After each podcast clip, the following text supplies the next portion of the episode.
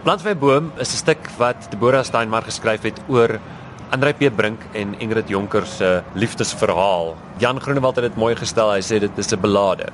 Dit is 'n belade van die twee se liefde want dit is 'n verskriklike onstuimige liefdesverhaal.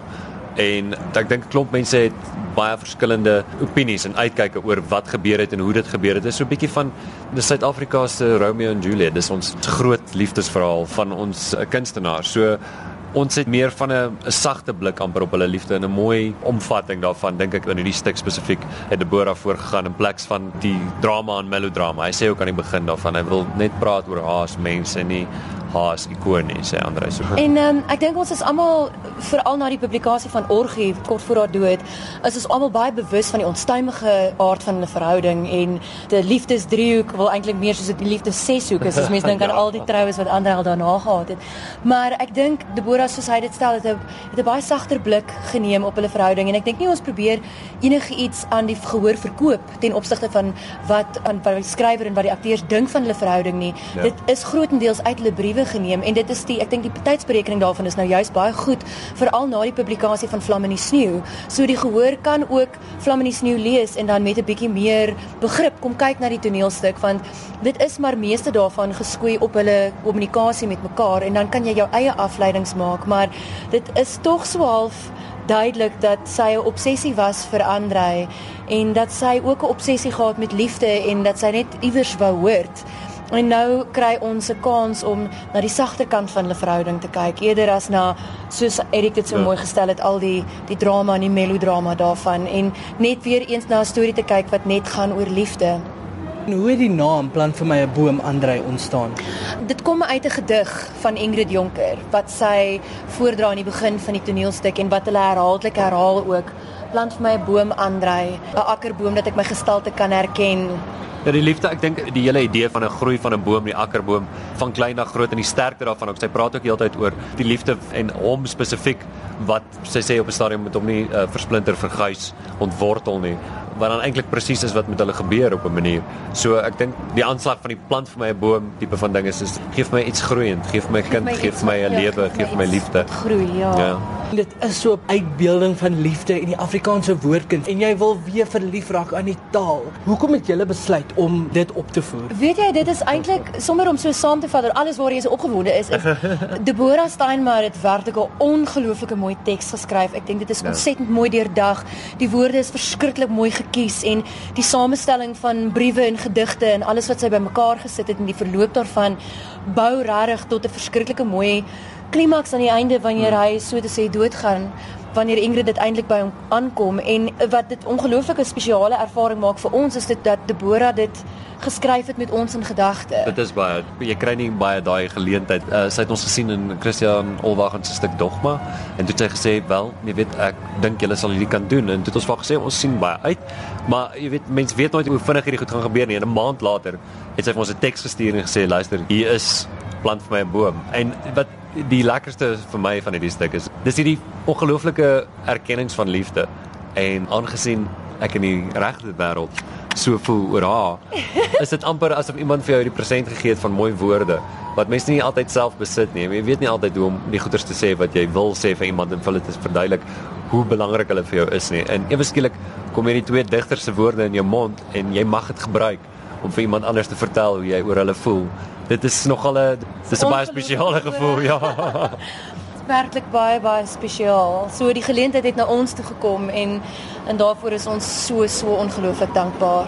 Dit is so 'n pragtige verhaal en jy saam met hulle op hierdie reis deur hulle lewens en deur hulle liefde en hierdie liefde praat met jou as mens want ons het almal daardeur gegaan. Ja, dis ek dink dit is iets wat universeel is. Dit liefde is iets wat ons almal kan verstaan of dit 'n liefde is wat jy vir 'n mens of vir jou familie of vir jou troeteldiere of vir jou land of wat ook al dit is, maar ons almal kan identifiseer met liefde en die afwesigheid daarvan en ja. Ek, ek dink hierdie hierdie toneel Ek dink dit is net so mooi uit. om sulke kragtige uh, woorde te mag gebruik van iemand anders wat liefde net soos jy ervaar, maar wat dit miskien beter kom omskryf as jy. Ja. So dit moet ek sê is vir my regtig dit is elke keer 'n plesier op die tong om hierdie hele ding te en, doen. En ook omdat Andrei Brink en Ingrid Jonker twee baie verskillende skrywers was, soos wat hy in die toneelstuk beskryf.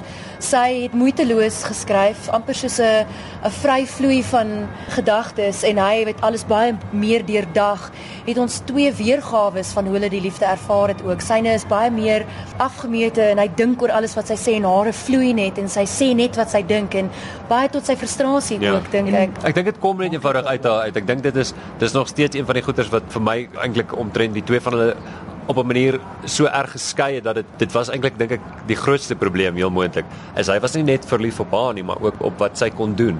Bietjie en wat hy nie ja, jaloers en, ook, en, ja. en en sy kon dit so goed doen dat sy haarself nie kon help nie. Sy was nie verskuldig aan enigiets dink ek in terme van wat sy geskryf het en wat sy gesê het, nie. sy het letterlik net geskryf en sê wat sy voel, maar sy het so rou gewees op tye dat daai wag voor die mond wat ons almal ontwikkel, dink ek hare, ek dink nie sy het een gehad Ja, wag was nie. afwesig.